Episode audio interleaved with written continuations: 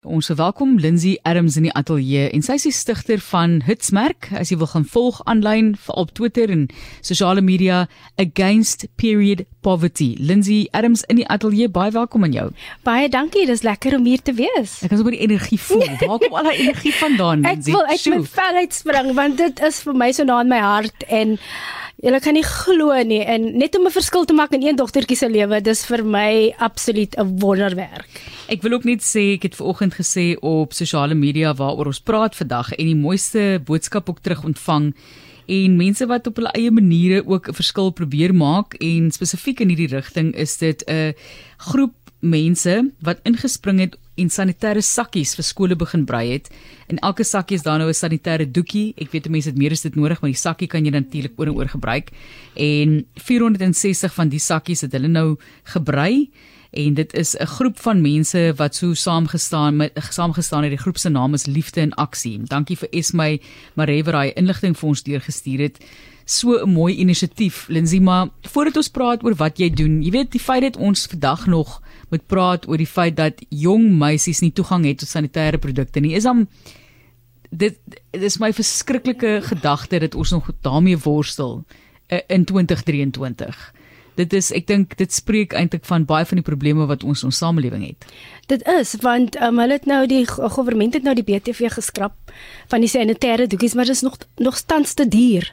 Ehm um, in vandag se ekonomie met soveel mense wat nou werkloos is, wat gaan hulle nou koop? Gaan hulle nou brood koop of gaan hulle 'n sterre doekie koop?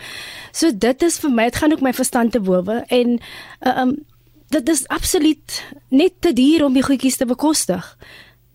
En dis nie asof hierdie jong dames in omgewings bly as jy so arm is en jy kan nie sanitêre produkte koop nie dat hulle enige oomblik gou vinnig na die toilet toe kan gaan en toegang het altyd tot lopende water. En ek praat nou hier van ernstige goed jy weet.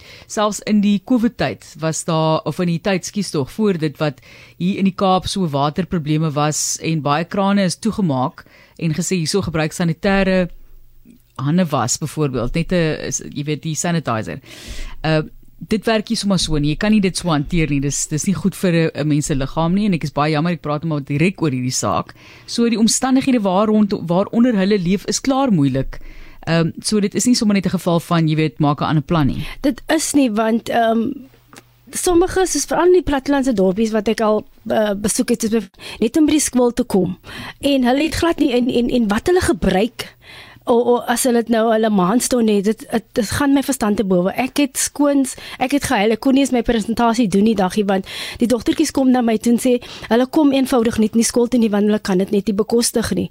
En hulle wil ook nie byvoorbeeld ander goed gebruik nie maar hulle het nou nie 'n keuse nie as is eerder dit of hulle bly by die huis. Ja.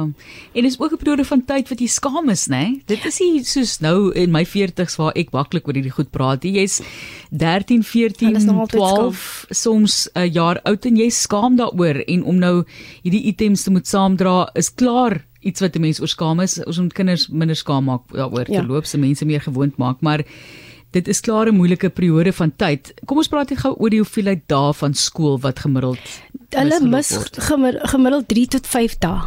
Dit is baie.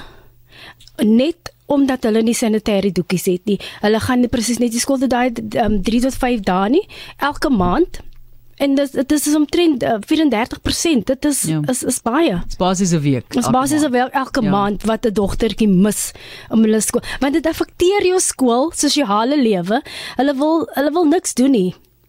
Dit affekteer hulle ja. self uh, self-esteem soos 'n mens sal sê.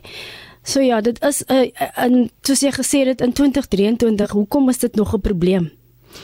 Ons veg uh, reeds om jong meisies so ver te kry om 'n loopbaan te volg om dalk tersiêre opleiding te kry en as hulle klaar hierdie agterstand het elke maand 'n week van skool wat hulle misloop. Kom ons praat net gou oor die getalle. Jy jy praat van 7 miljoen jong meisies in Suid-Afrika. 7 miljoen meisies in Suid-Afrika menstrueer en ja. en hulle kan net nie dit is dam, jong dames en skoolgaande kinders wat net hulle mis uit op werk, hulle mis uit op dit is 7 miljoen. Ja. So wat doen die regering aantrek? Absoluut niks. Hulle het net BTV geskraap, maar kondome is vry. Seks is 'n keuse. menstruasie is nie 'n keuse nie. Hoekom moet ons betaal vir dit? En natuurlik weer eens is dit so geweldig ekonomies maatskaplike effek het. Dit is 'n groot probleem. So hier kom jy dan nou. So jy sê hulle doen niks, wat doen jy? Jy het besluit jy vat voor. Ek het besluit ehm um, soos soos die soos hulle sê jy as jy die verskil wil sien, moet jy verskil wees. En dit het vir my met twee jong dametjies begin. Dit my storie het begin met twee jong dametjies. Hulle het ook nie skool gegaan nie. En ek wil weet hoekom gaan hulle? Hulle was eerlik met my. Hulle het vir my gesê, um, ons het nie um, dis hulle nou sê pads nie en dis hoekom ons nou nie kan skool toe gaan nie en ek het toe besluit nee wat gee sommer van my my doekies en ek koop my elke maand en so en so die woord nou versprei. En dan kom maar nou meer en meer kinders en so meer almal wil help kan jy nou nie want dit is nou nie in my sak om almal te kan help nie. En toe het ek nou net besluit ons nad ek nader nou ek het nog nie eens my MPO gehad nie. Ons nader maar nou familie en vriende en so het mense maar aan boord gekom en ek het nou my MPO geregistreer en is nog geregistreer en ek gaan na skole, hulle nooi my uit. Ek doen ek doen nie net die uithandiging nie. Ek doen ook die praatjie oor menstruele gesondheid, wat gebeur met met 'n jong as jy nou jong dame is met jou met jou liggaam en die moeds en die moenies en, en hoe jy sanitêre doekies moet moet moet weggooi en wat jy moet doen. En as daar probleme is, praat met jou ouers, praat met jou ma. Maar sommige meisies sê gewoonlik ook vir my wat hulle is miskien bang om met hulle ouers te praat, ja. sê jy het mos hy tannie daai jou gunsteling tannie of gaan na die tannie toe en jy weet dit maak vir hulle 'n bietjie gemakliker. So ja. ek probeer maar net uh, uh van my kant af hashtag ons probeer maar net om ons deel te doen om na moontlik elke skool te gaan en die die praatjie te doen en ook uit te deel. Daar is ook 'n paar skole wat ek uh um aanhoudend diens wat ek nog gaan en dan dan doen ons nou 'n drop met die sanitêre doekies en ons doen nou net so ons refresh maar net soos mense as oor die praatjie. En die die terugvoering wat ons altyd kry is asemroom dit is wonderlik. Hulle wil net eens moet terugkom en ons moet praat en die skool is altyd so dankbaar.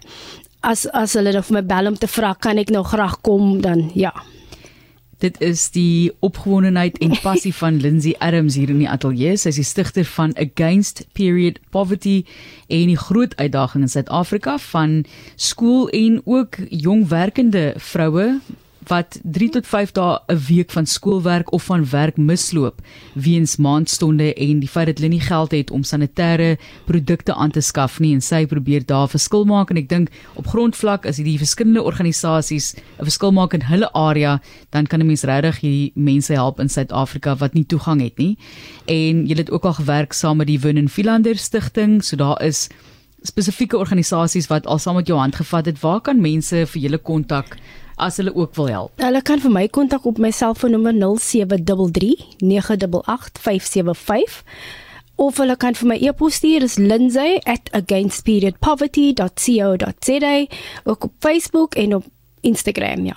Jy kan haar daar oral kry en onthou net soos sy sê, dit is nie net 'n vroue probleem nie. Dis nie net 'n meisie probleem nie, dis 'n menslike probleem daai. As daai meisie agterbly, bly 'n groot deel van die gemeenskap ook agter. So kom ons help hulle om vorentoe te gaan en toegang te kry tot sanitêre produkte en dankie vir mense soos Lindsay wat na vore kom en sê hier moet ons nou wragtig 'n verskil probeer maak. Dis Lindsay Adams en onthou dit is against period poverty. Daar kan jy vir haar kry aanlyn. Baie dankie weer eens Lindsay. Baie dankie.